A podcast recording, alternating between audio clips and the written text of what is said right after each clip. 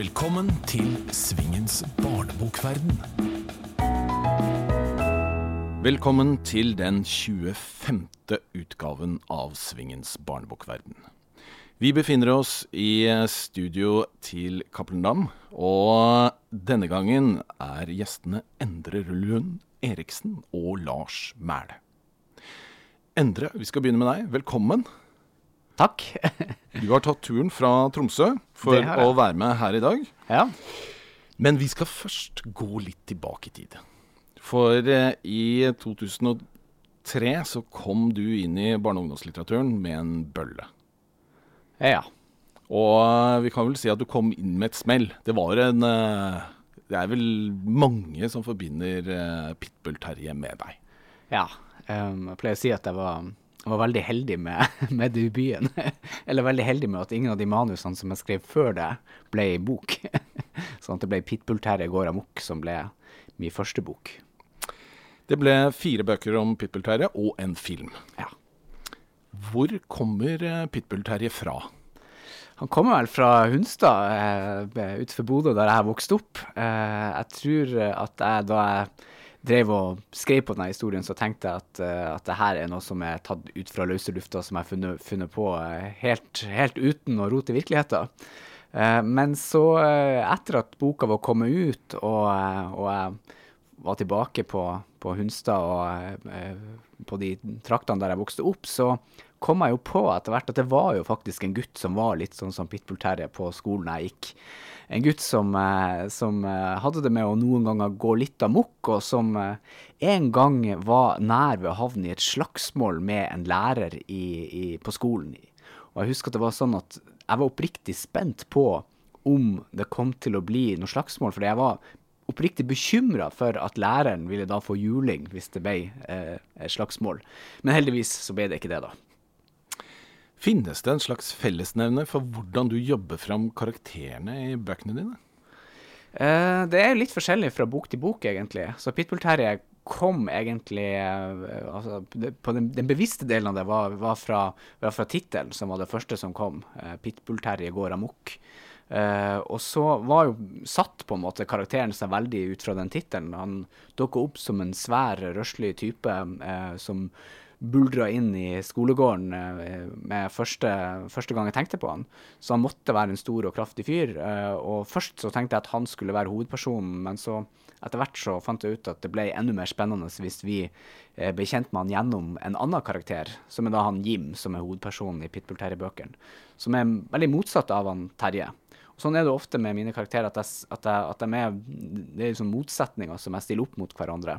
Så når jeg har, da jeg har en stor og kraftig og utagerende fyr, så trenger jeg en som er motsatt av han, eh, som eh, i dette tilfellet han Jim, er eh, liten og ikke så veldig sterk, men som har det i, har det i munnen. Altså han, han kan snakke seg ut av vanskelige situasjoner. Han er motsatt på, av Terje på mange ting. At han, han er flink på skolen. Han, han, vet hvordan man, man kan snakke seg ut av vanskelige situasjoner, mens Pitbull-Terje han er en som vet hvordan man slår seg ut av vanskelige situasjoner. Så det, det er på en måte mm, en litt sånn metode som jeg ofte har, det er å, å, å, å sette eh, karakterer som, eh, som er veldig forskjellige, opp mot hverandre eller opp med hverandre, eh, og så ser jeg hva som skjer når de møtes. Eh, og det er jo ofte, ofte sånn at de overrasker meg litt med, med hva de sier og hva de gjør. Og, og for eksempel nå holdt på, sitter jeg holdt på å skrive bok der, jeg- der jeg hadde en plan, men så plutselig så gjør karakterene helt andre ting enn det som var planlagt. Og da må jeg bare følge det, da. Siste boka om Pitbull-Terje kom i 2010. Betyr det at eh, Pitbull-Terje er voksen i dag? Og du har gitt opp å skrive flere bøker om han? Tja, jeg, jeg vet Jeg har egentlig ikke helt bestemt meg, for jeg hadde egentlig tenkt å skrive en bok til, en femte bok. Uh, og, og har uh, Innimellom så får jeg jo mailer og, og meldinger på Facebook og sånn fra lesere som lurer på om, om ikke det kommer flere bøker. Uh, senest for, for noen uker siden. Og da, da begynte jeg å tenke igjen seriøst på om, om det kanskje skal, eh, skal bli en bok til, der jeg skal eh, ja, få svar på noen av de tingene som jeg lurer på med, med, med Jim og Terje. Så, så jeg, det kan hende at det skjer, um, og uh, jeg tror kanskje det er mer sannsynlig at det skjer, uh, skjer snart enn at det ikke skjer.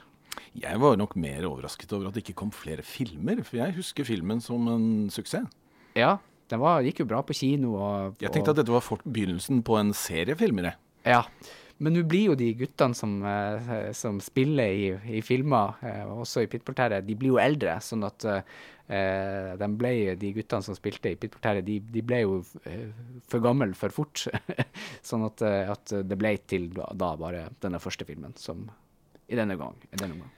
Men Endre, du har også jobbet en del med film, mm. og det gjør du fortsatt. Vil du si at den filmjobbingen som du har gjort parallelt, har det gjort noe med utviklingen i skrivingen din på noen måte?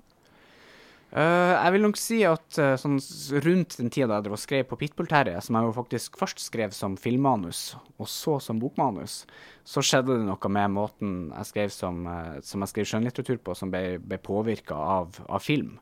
Ved at jeg skrev veldig scenisk og veldig, veldig Eh, ja, veldig mye situasjoner der det, der det er scener med, med, motsetninger mellom karakterer, og, og, og der, der, det er handling som driver, driver boka, fortellinga, videre.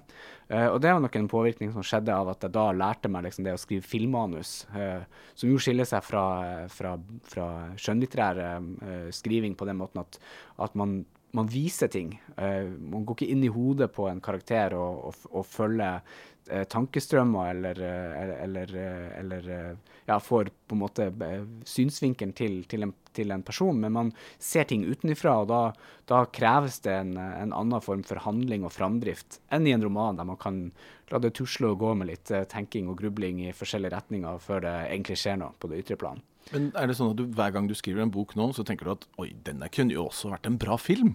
Eller tenker du ofte at dette er jeg glad for at jeg skriver en bok, for dette ville ikke fungert på lerretet? Eh, det er vel egentlig litt både òg. Si at det er noen type historier som jeg jobber med som jeg tenker at det her, dette, er, dette er bok, dette er inni hodet på en karakter, og dette er veldig vanskelig å få, få ut på, på film. Uh, og, og, så er det noen ganger jeg tenker at uh, ser, ser, ser, det veldig for meg som en film med, uh, liksom med lyssetting og med, med liksom scenografien og med kostymer og alt, liksom. Så, så, det er veld, veldig forskjellig, egentlig. Jeg, jeg skriver altså det, Jeg har liksom litt forskjellige metoder for å skrive som gjør at, at prosjektene lages på, på ulike måter noen pro prosjekter så er det sånn at jeg er veldig i situasjonen og veldig i hodet på den jeg skriver om, uh, mens andre er, er, på en måte mer uh, plotta og, og planlagt uh, og har, har, en veldig tydelig struktur før jeg går i gang og skriver. og sånn var det jo til dels med, med Pitbull-Terje-bøkene, at der hadde jeg liksom historien klar før jeg satte meg ned og skrev. Så skjedde selvfølgelig eh, ting underveis, at karakterene begynte å gjøre ting som jeg ikke hadde planlagt, eller at det jeg hadde planlagt, ikke fungerte så bra som jeg hadde håpa. Uh, mens at andre bøker, f.eks. 'Den sommeren pappa ble homo', uh, har jeg begynt en helt annen der, ende. Der har jeg begynt med, med starten og med, med, med, første setning i boka, og så nøsta meg fram til, eh, til historien ut fra det utgangspunktet. Men når du sitter og grubler på ideer, er det ofte at du sitter sånn om kvelden, stirrer opp på himmelen, og der ser du en måne? Uh, nei, det er altså Ideene kommer jo uh, i alle slags situasjoner og alle slags steder. Mm. Uh, noen ganger når jeg er på, på forfatterturné, andre ganger når jeg eh, observere ungene mine. Eh, andre ganger når jeg tenker tilbake på ting som jeg opplevde som barn eller ungdom. Så ideene kommer jo egentlig fra, fra overalt. Eh, men det er, eh, det, er, altså det er liksom oppsiktsvekkende lite føling i fjæra og i naturen. Som var egentlig det som jeg liksom sett for meg da jeg var ung og bestemte meg for å bli forfatter. Så så jeg for meg at jeg skulle vandre gatelangs eller langs fjæra og, og, og ha, få inspirasjon og tenke smarte tanker og språklige bilder og sånn. Men det, det, er mye mer sånn sette seg ned og, og gruble, skrive, presse det ut. eh, mer enn liksom at det kommer rekkende på fjøl. Men likevel, du har skrevet to bøker om månen. Det har jeg. det har jeg. Ja. Er det noe du er spesielt opptatt av, eller snakker vi her rett og slett en tilfeldighet? Uh, jeg er jo veldig opptatt av månen og veldig opptatt av romfart, som jeg syns er utrolig fascinerende og, og, og, veldig skummelt, for å være helt ærlig. Uh, det er jo noe, noe uh, eksistensielt og eh, veldig eventyrlig over det, eh, over det å reise i rommet, det å reise til månen og gå på månen, som, eh, som ble gjort på 60-tallet, som, som, både liksom eh, er, Det er noe veldig skremmende med tanken på å liksom være så langt hjemmefra og med, med så skjør linje tilbake til, til verden, eh, til jorda. Uh, og som også er noe sånn utrolig fascinerende og spennende ved det. liksom å, å, dra til et sted der ingen andre har vært, og, og trå der ingen, ingen, ingen, menneskefot har trådd før. og Plukke opp steiner og ta med seg hjem som, som, som aldri mennesker har vært i nærheten av. Så, så jeg er veldig fascinert av månen. det er men, men, det er vel ikke først og fremst det å se opp på månen som har gjort at jeg er blitt fascinert av det. Det er vel først og fremst det å lese om og se filmer og, og, og bilder, ikke minst, fra, fra månelandingene. Ja, for eh, barneboka eh, 'Førstemann som pissa på månen', den illustrerte av Toril Kove, eh, den kom jo da i 2009. Mm. Men 'Baksiden', som er en ungdomsroman som da kom i fjor, ja. den eh, vet jeg du fikk ideen eh, for ti år siden? Ja, det er kanskje mer også. Ja. altså, ideen til den var jo eh, det var egentlig den boka jeg var i ferd med å gjøre research til da jeg fikk ideen til 'Førstemann som pissa på månen'. Eh, for da måtte jeg lese masse om, eh, om månen og månelanding og, og, romfart og sånn, og da slo jo ideen til eh, førstemann som pissa på månen ned i hodet på meg. Eh, der er det jo eh, ikke Neil Armstrong som jo er førstemann på månen, men det er Buzz Aldrin, andremann ute på månen som er hovedperson. Eh, og som er ganske irritert fordi at ikke det er han som skal få være først ut. Så han har bestemt seg for å, for å gjøre turen opp til månen så utrivelig som mulig, og, og gjøre det han kan for å, for å lage dårlig stemning om bord i, i, romskipet til, eh, til månen. Så, så, det er en sånn um, historie som, eh, som var ja, inspirert av, av, alt jeg leste om romfart og astronauter, som jo er sånn utrolig tøffe karer som liksom fær ut i rommet der ingen har vært, og som risikerer alt og utsettes for flere gangers G eh, for å, for å, for å bli skutt opp i rommet, eh, og som er liksom de, de tøffeste av de tøffe. Eh, men så vet jeg jo også at det, den, eh, den første månelandinga uh, i 1969 var jo ganske dramatisk. Det var jo Idet de skulle gå ned på månen, så var det, eh, var det sånn at det stedet de skulle ha landa, viste seg å være altfor eh, alt for usikkert å lande på, så de måtte liksom lete etter en ny plass i hurten og styrten. Og de hadde bare begrensa med, med, med, drivstoff igjen, så det var liksom sekundene var i ferd med å renne fra dem da da, da de nærma seg. Og ikke nok med det, men også ble det en, en datafeil, sånn at alarmene begynte å blinke. og Det var, det var veldig dramatisk. Eh, og dette tenker jeg må jo ha vært litt skummelt for, eh, for de her astronautene om bord i, i, eh, i månelandingsmodulen. Eh, men de føyser jo bare av det da, når de omtaler det her i, i, dokumentarer og bøker og sånn, at, at, de bare gjorde jobben sin. Men i boka da så blir jo Buzz Aldrin og eh, også Neil Armstrong de blir jo ganske redd når det her skjer da. Endre, du har også hatt hukommelsestap. Hvordan er det for en forfatter? Ja, det er jo litt upraktisk, da. Ja. Det skjedde jo mens jeg holdt på med slutt, sluttspurten på baksiden. Uh, I uh, vinterferien uh, samme året som, som den kom ut. da. og hadde, hadde vinterferien ligget klar for å kunne jobbe 24-7 med, med boka. Og så, eh, i et sjeldent besøk på fotballbanen med guttene, oldboys-guttene, så, eh, så uh, gikk jeg i bakken.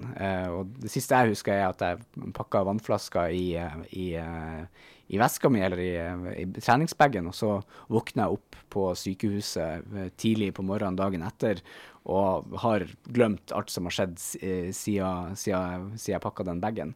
og det var jo det, det, det, var jo, tok litt tid å komme seg etter det, og, og jeg hadde jo en kompleks uh, historie på gang med baksiden med mange, mange forskjellige fortellinger som grep inn i hverandre og i forskjellige lag. Uh, og jeg sleit jo litt med å liksom huske hva, hva, det var jeg hadde skrevet og hva jeg hadde tenkt det skulle skje. Uh, men, men, det kom tilbake gradvis etter hvert som jeg fikk, fikk hodet såpass på plass at jeg kunne begynne å jobbe igjen da. Men nå går det bra? Nå går det bra. Ja. Så du kommer til å huske at du har vært, vært med på dette? ja, jeg, jeg, håper det. Men jeg, jeg var, jeg var, fart, jeg var jogga for noen dager siden eh, på, på, Jeg trodde det var avbært under den nylagte snøen, men, men, det viste seg å være is, så jeg sklei på og datt. Og slo faktisk hodet og fikk en liten kakk i hodet. Så jeg, liksom, har vært litt bekymra de siste dagene. Så hvis jeg begynner å si rare ting, og, og f.eks. spør hvor jeg er hen, eller sånt, så, så er det et tegn på at, at da burde du kanskje kontakte lege. Endre Lund Eriksen lever farlig. Det kan vi nå slå fast. Eh, du sa at eh, baksiden var, er en ganske kompleks historie. Mm. Men hvis vi går til eh, som er jo da et helt univers, mm. er det også ganske komplekst? Når du da begynner å skal ha veldig mange elementer på plass. Her er det bøker, her er det filmer, her er det figurer, her er det ting som skjer på nett. Sikkert mer òg. Ja. Mm. Ja, altså er jo, eh, det er jo et, eh, et, univers som i seg sjøl er jo ganske sam, sammensatt av mange elementer. Det er mange karakterer. Det handler jo om monster eh, som bor på, på fjellet et, hem, på et hemmelig skjulested som heter Dunderly. Eh, og grunnen til at de bor der, er jo fordi at eh, mennesker er redd for monster og har en egen monsterpatrulje som, som, eh, som, jakter på monster og, og, fanger dem. Så for å være i sikkerhet så må disse monstrene gjemme seg i den der hytta på, på fjellet. Eh, så det er jo, i seg sjøl er det jo for, for så vidt et, eh, et, ganske komplekst uh, samfunn med ulike karakterer som, som, har ulike egenskaper, som må prøve å leve i lag på, på, på denne hytta på fjellet. Eh, og, og, som eh, både har konflikter med hverandre og også eh, blir satt i fare av, av monsterpatruljen med jevne og ujevne mellomrom. Men i tillegg så ble det jo da lagd et, et altså Det ble jo lagd, lagd rundt det, dette universet, så ble det jo laga mye mer enn bare bøker, som, som man var vant til fra før. Det ble jo lagd en, en, en, et musikkunivers med sanger med, der flere artister var inne og både skrev låter og spilte inn låter. Eh, det ble lagd eh, apper til, eh, til telefon og, og, iPad. og Det ble lagd kosedyr, bamser, monster. Det ble lagd pedagogisk materiell og, og andre ting også. Så, så, det var jo en, en periode da Gan Aschhaug, som er forlaget som utgir dette, hadde, hadde en hel avdeling på, på huset som jobba med å lage Dunderlig, med, med, med, med, flere ansatte. Og jeg tror det var oppi ti ansatte som var dedikert bare på dette en periode. Jeg tror ingen forfattere har opplevd det verken før eller siden. Og, og, og det, var, det var, mange, mange ting som foregikk samtidig, og, og, mange prosesser som jeg og Endre Skamfør, som er illustratøren og, og medskaperen, måtte forholde oss til med å, å gi eh, innspill på hvordan alt fra bamser til sanger og pedagogisk materiell skulle lages. Ja, for mitt inntrykk er jo at de færreste forfattere tenker så helhetlig rundt prosjektene sine.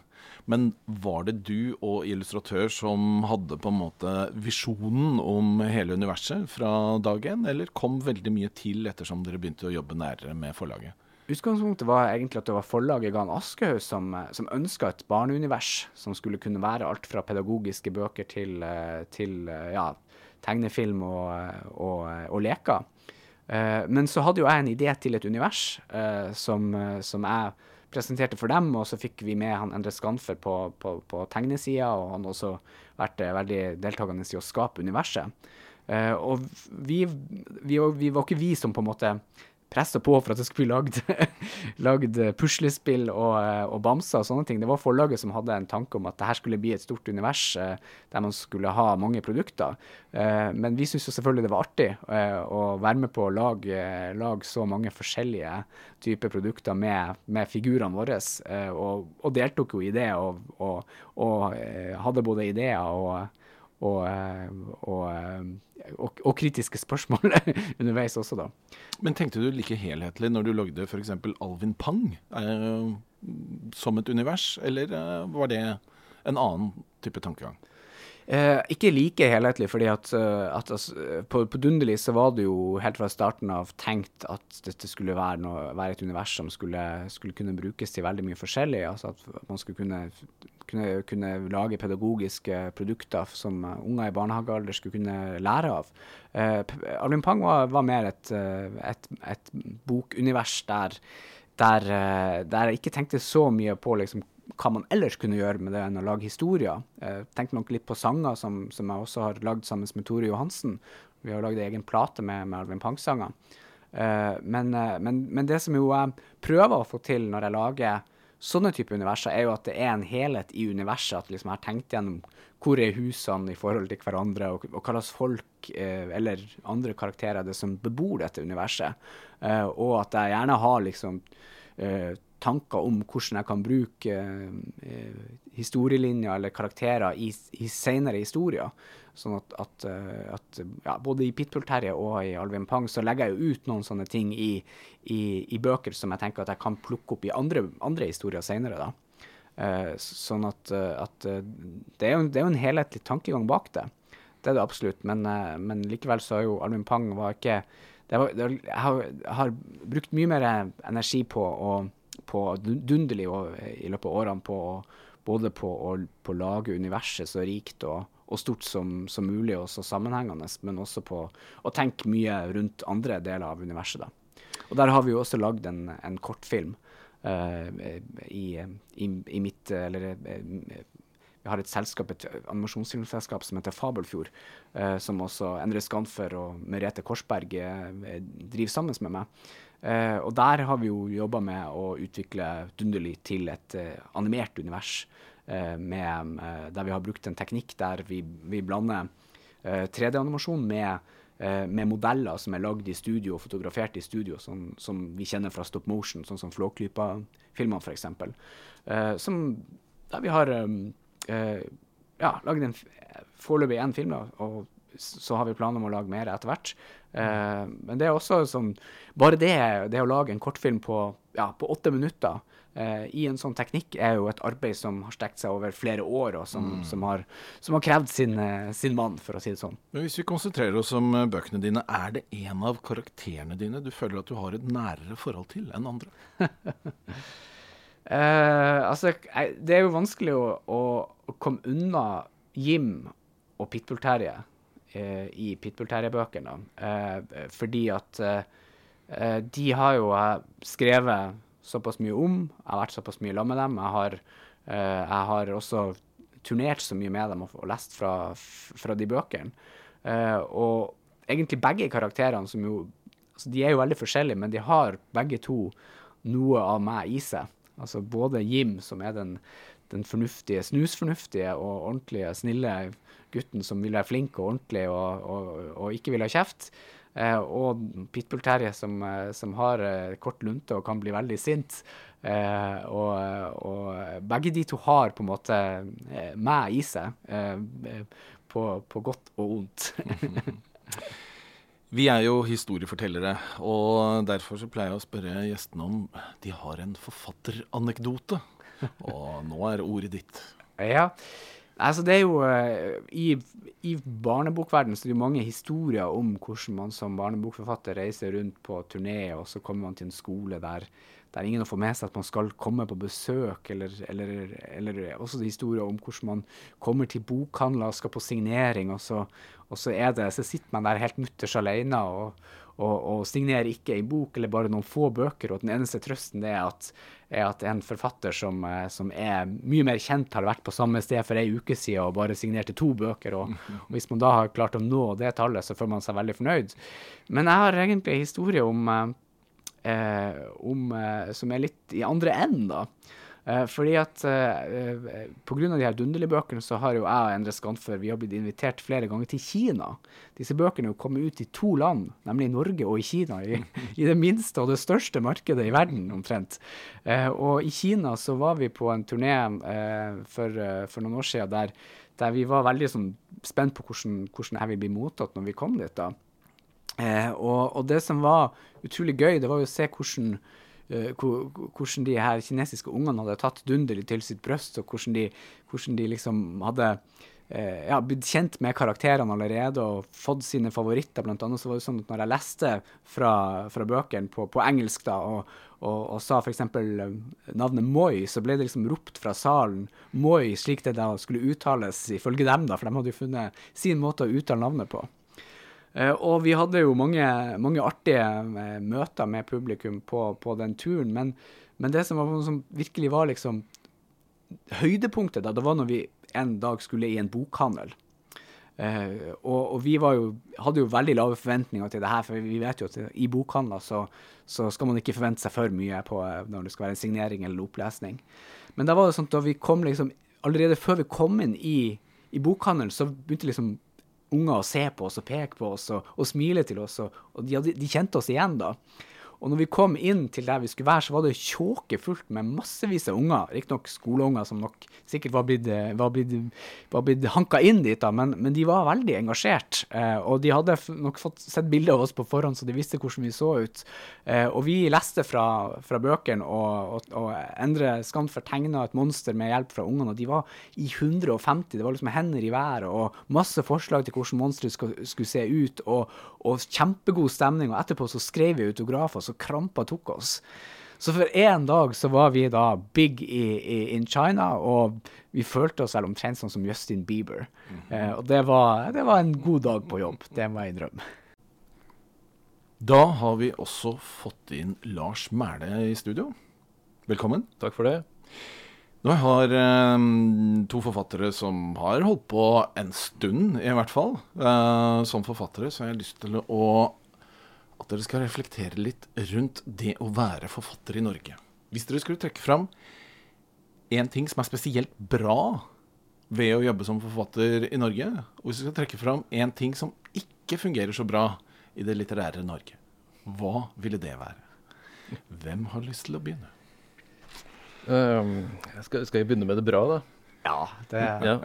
det, er, det er, veldig pedagogisk å begynne med det bra ja. først. Altså Det som er bra, er jo at det finnes så mange gode ordninger i Norge at man uh, kan reise ut på skoleturneer, at det blir kjøpt inn bøker til bibliotekene, og uh, at vi tross alt er et uh, lesende folk. Det er det bare Island som leser mer enn nordmenn. sånn at det, er på en måte egentlig gode vilkår da, sånn, i forhold til mange andre, men så er det jo selvsagt ting som kan bli bedre. Også. Ja, det er jo, eh, vi har jo fantastiske ordninger når vi sammenligner med alle andre land, med innkjøpsordninger, med bibliotekvederlag og, og, eh, og arbeidsstipender, sånt, både statlige og, og de som, som, organisasjonene har. Eh, og det gjør jo at, at mange flere kan, kan, leve av å være forfatter i, i, Norge i forhold til, til andre land. så det, det, er veldig bra. Har jo også gitt suksess, for det har jo gjort at vi har mye litteratur av høy kvalitet som også blir, uh, blir solgt til, til, andre land og lest i andre land, og, lest i Norge. Uh, så det er jo egentlig uh, det virkelig positive med å være forfatter i Norge, at vi, det er på en måte det er, et, det er et grunnlag der som gjør at det er mulig å leve og være forfatter. så er det jo også sånn at det er jo fortsatt så har det jo status å være forfatter i Norge. Folk syns jo fortsatt det er litt kult eh, hvis man er i middagsselskap eller, eller sånn, og, og, og, og, det blir snakk om hva man jobber med, sånn, så, så, så, er det jo fortsatt sånn at det å være forfatter, det, det, ja, det, det er ikke det verste man kan si da, for å si det sånn. Nei, det var Det har du nok rett i, men det var det positive. Nå, nå kommer vi til det som eventuelt ikke fungerer så bra. Ja. Um, man kan jo i hvert fall kanskje si at uh, sånn generelt i bransjen da, så har det jo pågått en sånn kommersialiseringsprosess over tid. da, sånn at det, det, blir jo på en måte tøffere og tøffere eh, å være forfatter også. Um, og det er på en måte det blir på en måte færre og færre vinnere i det markedet der. sånn at det, er jo på en måte tøft også å overleve på å være forfatter. De fleste forfattere har jo tilleggsjobber, men jeg vet ikke om det er som oss, vi, vi har kanskje fulltids eh, Noen av få som gjør det på full tid, da. Mm. Mm, Endre? Ja, det, er, det som jeg syns er, er ganske, ganske, trist, da, er jo at eh, kollegaer som er på min alder, og som har vært forfattere i kanskje 15-20 år, eh, de har ikke nødvendigvis noe bedre økonomi i dag enn da de starta. Eh, selv om vi har gode ordninger som, som gjør at et, at en viss uh, At man har, får en min, viss minstelønn. minstelønn da. Uh, og, og, når det gjelder pensjonsutsiktene våre, så jo, ser jo ikke det veldig lovende ut med, med de, de, ordningene som finnes nå, med mindre man har kjøpt seg privat pensjonsforsikring.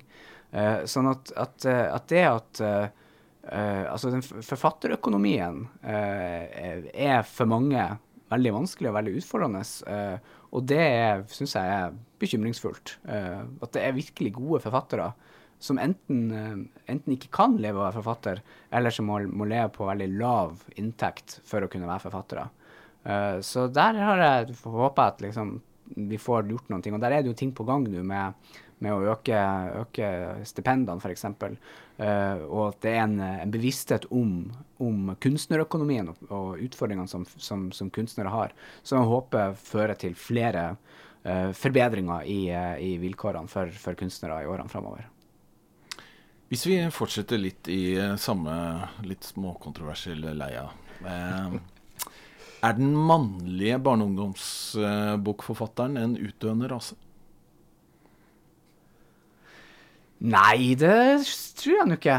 Jeg, jeg får meg ikke trua, i hvert fall. Gjør du det, Lars? Nei, ehm, jeg, jeg, jeg tror ikke det heller, altså. Men uh, jeg skjønner jo litt hva du mener. Men at det, for at det er jo flest jenter og kvinner som, som, leser, og som jobber med litteratur.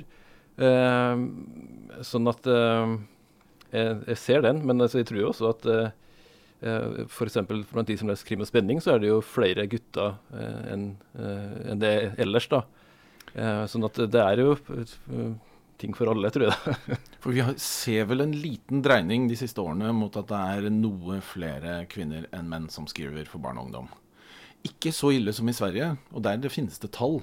For tallene fra 2017 viser da blant svenske forfattere at det er 67% kvinner og 33% menn som skriver for barn og ungdom. Jeg husker jo når at rundt den tida da jeg debuterte, som da var i 2003, så var det jo mye fokus på, på, på dette med at det var mye kvinner i, i barnebokbransjen. Du hadde vel et uh, utspill der, Arne, hadde du ikke det, om at det var for mange tanter i, i uh... Det var ikke et sitat fra, fra meg, det var Men jeg gikk med i det samme dragsuget der, ja. ja. Uh, og, men, men, så har det jo Jeg vil jo si at sånn, i de årene etter denne debatten, da, så var det jo en sånn veldig fokus på at det var viktig nå å få guttene til å lese, og, og at man måtte ha, ha guttebøker som, som, appellerte til gutter. Uh, og nå har ikke jeg noen statistikk som kan liksom påvise verken liksom hvor mange bøker uh, med guttehovedpersoner, eller hvor mange mer maskuline titler det blitt. Men, men, det var jo i hvert fall en, eh, i en dreining i forhold til at en periode så var det flere eh, mannlige forfattere som var veldig eh, synlige i offentligheten, og, og også på, på prisarenaen, i, i, hvert fall i første, noen av de første årene. Eh, sånn at jeg tror at eh, eh, jeg tror at det er, det er Mitt inntrykk er ikke at, at det er der problemet ligger, på en måte. Jeg tror at det finnes, det finnes bøker gode guttebøker allerede, eller bøker som appellerer særlig til gutter, eh, som både kvinnelige og mannlige forfattere skriver. Eh, det er mulig at det er noe som, man, uh, som, som, man, som trengs, trenger mer oppmerksomhet, og som man burde se, se mer på. Men, men, men jeg, jeg, har ikke opplevd liksom at det er det som er problemet, det som gjør at, at det er lesinga går ned, sånn som det inntrykket jeg har. Nå skal jeg stille deg overfor et vanskelig valg. Og det er ikke noe tvil om at bøkene deres har både gode historier og godt språk. Men hvis dere måtte velge en av delene, en god historie eller et godt språk, at det er en av de delene som folk vil da forbinde med deres eh, bøker og forfatterskap, hvilke ville dere valgt? Jeg syns det er et lett valg personlig. Jeg ville hatt en god historie, helt klart. Ja, altså, altså, Man kan jo være sånn Ja, det, det kan ikke være en uh, god historie uten et godt språk. det kan være litt sånn frekk der, eller litt uh, men, men, jeg tenker jo altså at, uh, at Man trenger jo et språk for å fortelle en historie, men man kan fortelle det på mange måter. men, men også for meg så er jo den gode historien det som, det som både er drivkraften for meg som forfatter, og som, og som er det som, det som er ja, hvis jeg måtte velge, da, liksom, som leser, eh, så, så, hadde jeg nok også som leser valgt den gode historien.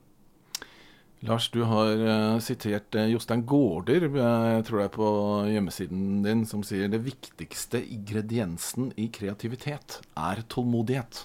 Ja, det stemmer. Uh, og det stemmer jo i hvert fall for meg selv.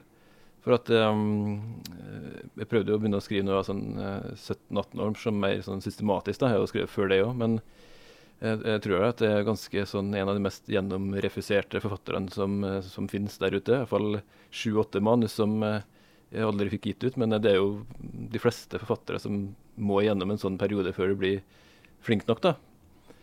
Men, eh, men det er jo trening, ikke sant. Og, og, det er jo på en måte det det ligger i det sitatet, da. At, at du må være tålmodig for å bli flink innenfor et felt, og også litteratur, da.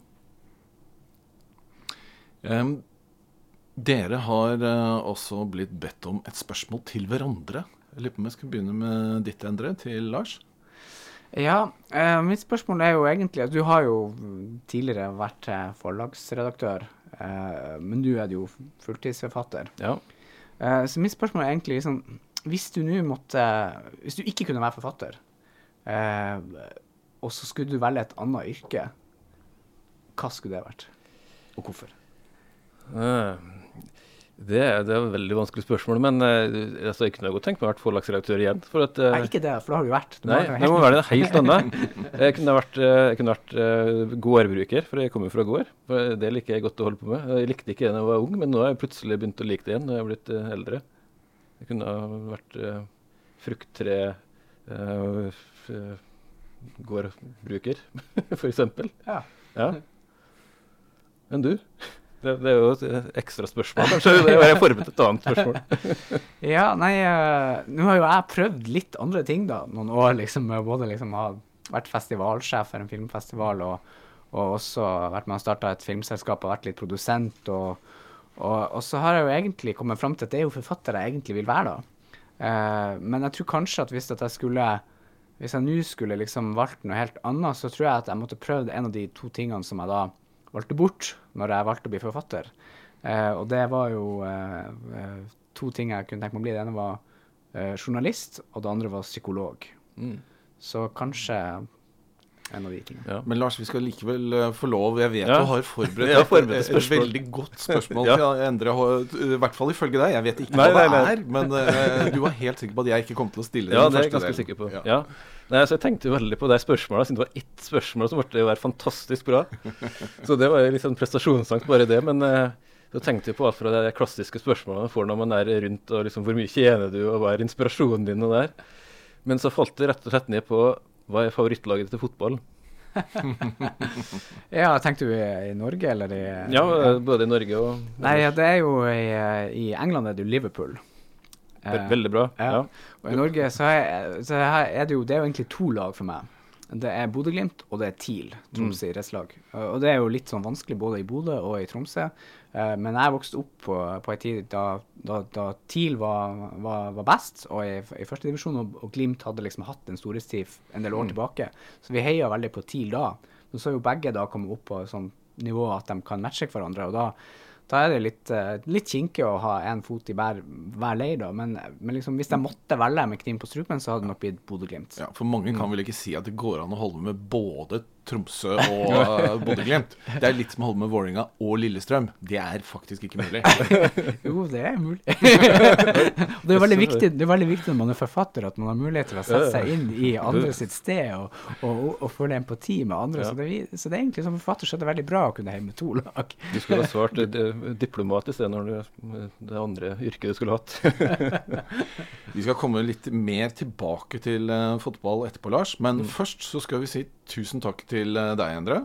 Takk for at du kom. Takk for at, for at jeg fikk komme. Ja. Da skal vi eh, konsentrere oss om eh, deg, Lars. Og aller først så har jeg et viktig spørsmål til deg. Hvem har tatt pølsene? Ja, altså Jeg kan jo svare på det, naturligvis, men da er det jo en gedigen spoiler. For det er jo det siste mysteriet i Kråkeslottet barnehageserien som jeg skriver for barnehagebarn. For, for, hvor ble det av alle sokkene?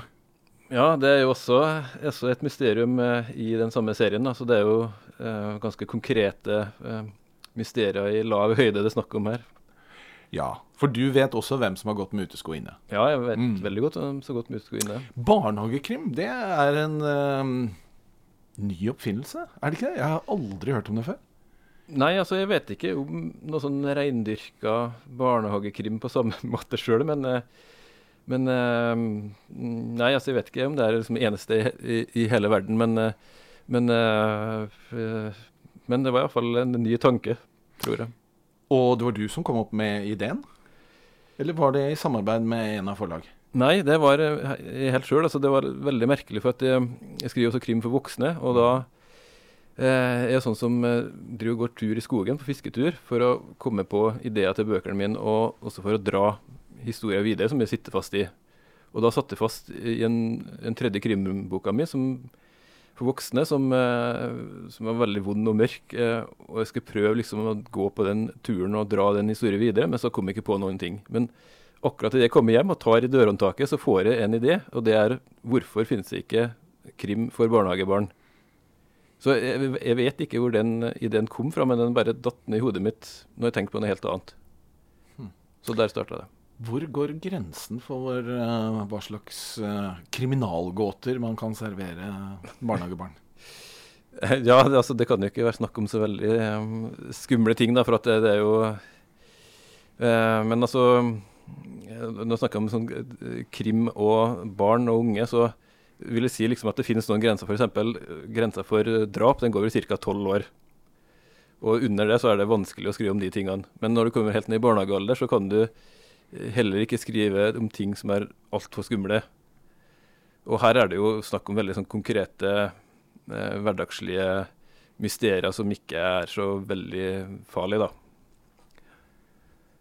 Du, er det nesten sånn at du har konsulenter på barnehagenivå? Altså, nå tenker jeg kanskje med de som jobber der, eh, i forhold til eh, hva som vil egne seg, hva som vil engasjere dem? Eh, altså Det som har gjort at det har vært i barnehagen hvor mine egne barn gikk, og så har jeg testa ut noen manus. Mm. Og da har jeg funnet ut noen ting som ikke funka, som jeg har lagt bort, og så har jeg gått videre på andre ting. Um, det har vært to ganger, men uh, ellers så er det på en måte bare å Du må ha en god idé til hva slags mysterium det kan være.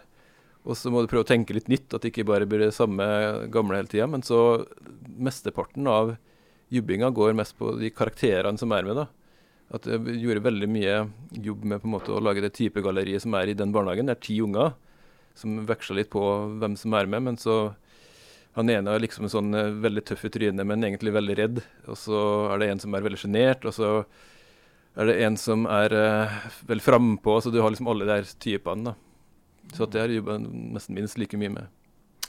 De første bøkene dine var jo ikke krim, men etter hvert så har du jo skrevet eh, både krim for voksne, som vi overhodet ikke skal snakke om ja, her, ja. og du har jo serien med Siria Max, ja.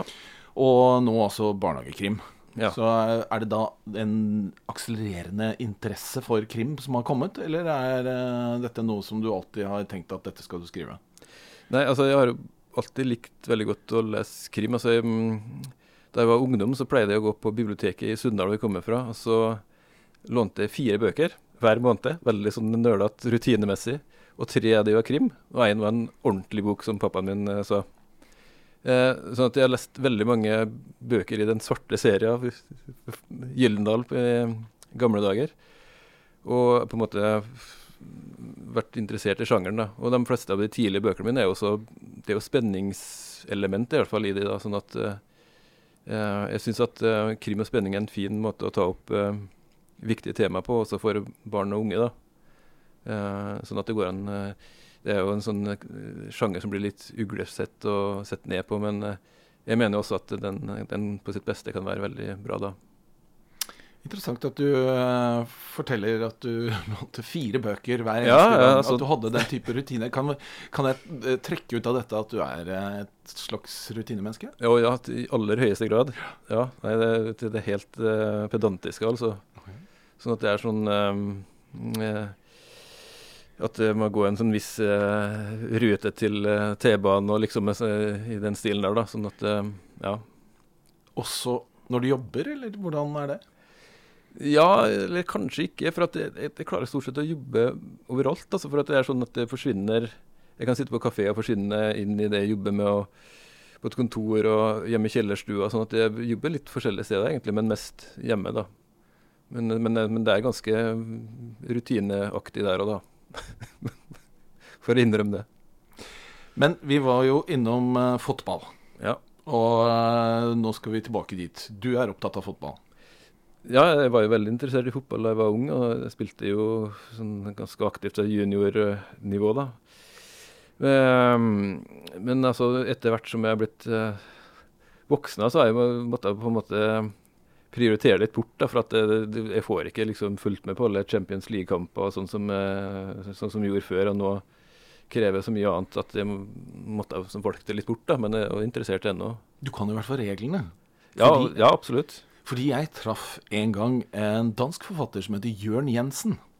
Jørn Jensen har skrevet de såkalte ja, ja, ja. Kasper-bøkene, som i mange mange år har vært ekstremt populære på norske skoler.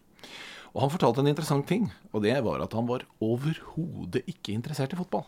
Yes. Han hadde selv ikke spilt uh, fotball, men hadde lært seg reglene da sønnen begynte å spille fotball. Og etter det så begynte han å skrive Kasper-bøkene, som var jo dominerende på fotballbokmarkedet i mange, mange år. Men du har jo da vært en av utfordrerne, for du har kommet opp med Knoterud. Ja. Knoterud FK. Mm. Eh, det er jo en litt annen eh, type serie. Det er en sånn antiheltserie de luxe, som eh, handler om Østfolds dårligste fotballag for niåringer. Og med dertilhørende ikke så proft støtteapparat. Eh, som da taper alle kamper. og liksom, De har helt andre mål, nemlig å skåre sitt første mål og på en måte spille sin første uavgjort og, og sånne typer mål. da. Men eh, det som er litt interessant med den serien, er, altså, er jo det at de skulle egentlig skrive ti bøker. Og så skulle de eh, vinne i bok nummer ti, sin første seier. Men etter bok ni så sa forlaget at ja, nå syns vi har holdt på med serien lenge nok, så nå legger vi ned den. Sånn at da, de, de vant aldri, bortsett fra at, uh, mot et gamlehjem. Uten at eh, Jeg håper ikke jeg røper for mange spoilere her, men uh, de når andre mål, da. Så du må gjenoppleve serien for at du skal vinne en reell uh, fotballkamp, altså? Ja, ja, ja. Mm. Men uh, du er altså fra Sunndal, Sunndalsøra. Ja. Altså, hva er ditt favorittlag da, i Norge? Nei, Det var jo Sunndal, naturligvis. Ja. Altså, jeg, men, men, hvor ligger de igjen? Nei, det, det, de, de, lå faktisk De var på andreplass i andredivisjon når det var andredivisjon en ja. stund, på 80-tallet. Eh, så da var de ganske gode når jeg var ungdom. Men, eh, mm, men, så er det sånn at de fleste fra Sunndalen de holder med Rosenborg, og ikke Molde eller Kristiansund, som jo ligger nærmere. Men det er sånn eh, sympati opp mot eh, Trøndelag, da. Så jeg holdt det litt med Rosenborg, men det var Liverpool altså, som endret. ja, ja, ja, Liverpool, liksom. Ja. jeg skjønner at du ikke holder med de. men eh, som det også har blitt nevnt her, du har jobbet i forlag. Eh, og det gjorde du en del år, og så slutta du for å bli heltidsforfatter. Eh, men det å jobbe på andre siden av bordet, har det hatt noen uh, innvirkning på skrivinga? Du jobbet vel mest med pocketbøker? Ja, jeg, jeg var um, redaktør for pocketbøker. sånn at jeg, jeg, leste jo ikke så mye manus. Den tida har jeg også vært manuskonsulent. sånn at det som jeg leste, lærte mest av det, var hvordan jeg ikke skulle skrive um, historier egentlig. Men, eh, men, det er jo på en måte Alt er jo ting du lærer av, da. Men uh, egentlig så tror jeg at en, hvis man skal komme med sånn skrivetips og sånt til unge, sånn som vi får spørsmål om når vi reiser rundt på skolen, så er det uh, rett og slett så kjedelig som å lese mye og skrive mye, som er mest uh, innvirkende på hvordan man ender opp sjøl, da. Eller eventuelt spille litt gitar ved siden av, for det at du har skrevet Er dagsformen på topp? Kan det hende jeg tar med gitaren? Ja, det, det er jo bare tull og tøys. Har du gjort det? Nei, jeg har faktisk aldri gjort det. Men, men, men, det, har du lyst? Et, ja, det er kanskje det er sånn eh, underbevisst eh, ønske om å spille gitar og være rockestjerne. Ah, ja. Så det er ikke aktuelt engang? Ja, jo, altså jeg kan spille gitar så vidt, mm. men uh, det...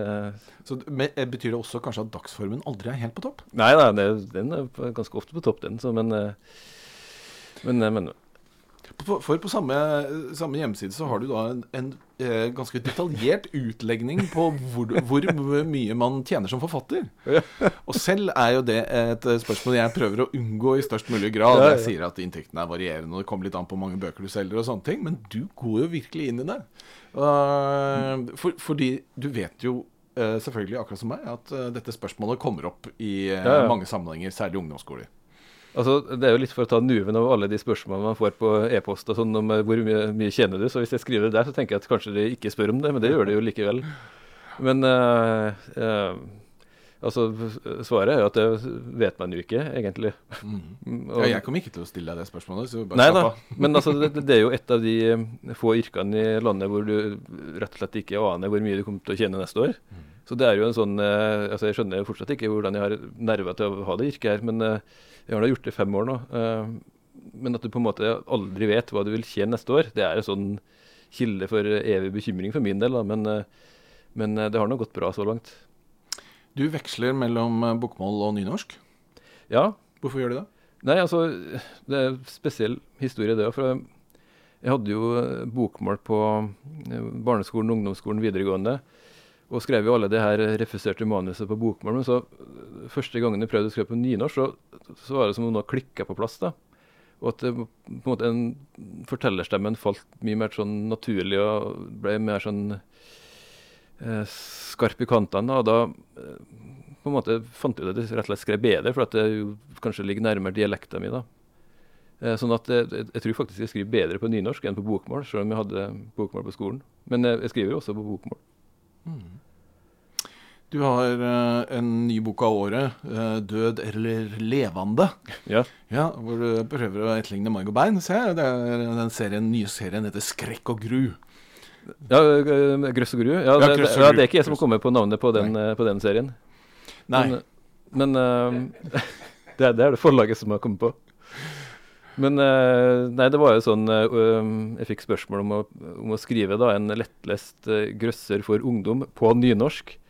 Som var en sånn uh, lite utforska sjanger. Men, uh, men det hadde jeg veldig lyst til. Jeg har jo, jeg har jo skrevet spenning før, og uh, liker jeg jo et godt grøss, liksom, så det hadde jeg lyst til å prøve. To ord om uh, hva den handler om. Den handler om to tvillinger som er synsk, og som blir utfordra av en sånn merkelig fyr til å finne datterne som forsvant for 30 år siden. Og så eh, på en måte i det her eh, jakta på den, den forsvunne dattera, så kommer de jo inn i sånn gråsoner for eh, virkelighet og overtro. da, At det ble, kommer inn med gjenferd og litt sånn her, og så ja, blir det mørkt og skummelt. For du har jo en ganske stor sjangerbredde på det du har skrevet til nå. Og i 2009 så kom du med 'Landet under isen'. Og da var det vel noen som trodde at nå var du i ferd med å bli fantasyforfatter? Ja, jeg har jo skrevet to fantasybøker. Det er jo eh, to av mange bøker, men sånn sidemessig sett er en ganske stor del av forfatterskapet mitt. For de er jo nesten 600 sider begge to. Eh, det var jo sånn eh, kamp å komme seg gjennom. Men eh, det var sånn, sånn idé som jeg hadde hatt veldig lenge. Altså skrive en sånn fantasyserie hvor landskapet fra hjemstedet mitt er eh, eh, Sunndalen er eh, på en måte bakteppet, da. Og det er sånn, eh, et sånn sagn i, i Sunndalen om en sånn, en sånn hule hvor det skal bo et troll. Eh, og jeg tenkte at hvis du går lenger inn i den hula, så kan du komme opp under en isbre, og da var det et fantasirike der. Det var det som, det som var utgangspunktet for den eh, fortellinga der. Fantasyforfattere er jo gjerne en type forfattere som ikke skriver så mange andre sjangre. Men uh, du har ingen problemer med å gå inn i eh, den, den type verden. Nei, så Noe av det artige med å skrive syns jeg er å gjøre forskjellige ting. Eh, jeg syns ikke det er morsomt å gjøre de samme tingene hele tida.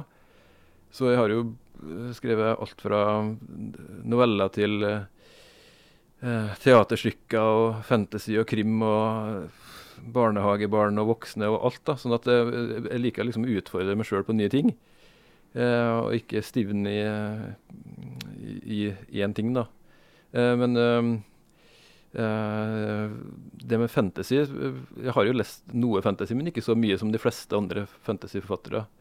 Men det er også en slags blanding mellom krim og fantasy av den, de bøkene der. Men alle forfattere ønsker jo å fornye seg. Føler du at du klarer det? Ja, jeg håper jo det. Det er kanskje andre som har svar på det. Men, men eh, jeg prøver jo ofte å- på nye sjangere på en måte eh, gjøre nye ting, da. Eh, Sånn, sånn bevisst. Men er det noen sjangere du ikke tør å gå i gang med? Altså, jeg syns det er verst å skrive for voksne. Det, det syns jeg absolutt verst.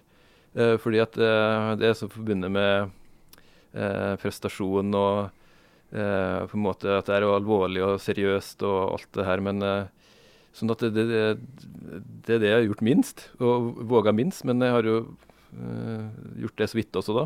Hva har du på gang nå? Kan, vi, kan jeg spørre om det? Jeg Ja. regner med at det kanskje er noe mer eh, 'Hvem har tatt vottene'?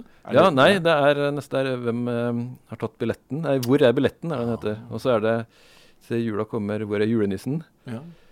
Eh, så kommer jeg med en eh, ungdomsroman som heter 'Andromeda' til høsten. Det, det er, eh, Andromeda er jo da mm, nabogalaksen til Melkeveien, men eh, det, handler, det er faktisk en samtidsroman som handler om eh, om en sånn uh, ungdom som driver med det som heter beefing, altså sånn uh, ungdomsgjenger som møtes for å slåss, som avtaler på nettet. Som blir tvangssendt til et lite sted på Vestlandet uh, fordi det har gått for langt. Og så må han på en måte komme inn i et nytt miljø, og der treffer han da en sånn astronomiinteressert uh, jente, og som han da mot alle odds blir forelska i. Jeg har bedt deg om en liten forfatteranekdote. Ja. Det var den anekdoten, da. Nå var det jo sånn at jeg har jo da faktisk en eh, anekdote fra en, en boksignering, da. Det er jo en klassiker, men det, det, det, det, måtte nesten bli den. Fordi at det var sånn at da jeg ga ut eh, den første boka mi, eh, 'Keeperen til Tunisia', så ble jeg da invitert av den lokale bokhandelen i Sunndal til å komme til butikksenteret i Sunndal og signere bøker sånn litt før jul. Eh, og da tenkte jeg at nå er det jo liksom den store hjemvendte sønnen som kommer tilbake til eh, butikksenteret, og jeg så jo liksom for meg de her enorme køene da, som nesten på vei ut eh, svingdøra i senteret. ikke sant, og så når jeg kommer dit, så blir jeg møtt av eh, en bokhandelansatt som sier at eh, ja, forrige helg så var det eh, signering av en kokebok her, og da var det så mye folk! og så setter jeg meg opp på bordet med sånn høy stabel med bøker, og så er det jo naturligvis ingen som kommer. Ikke ett eneste menneske de første ti minuttene.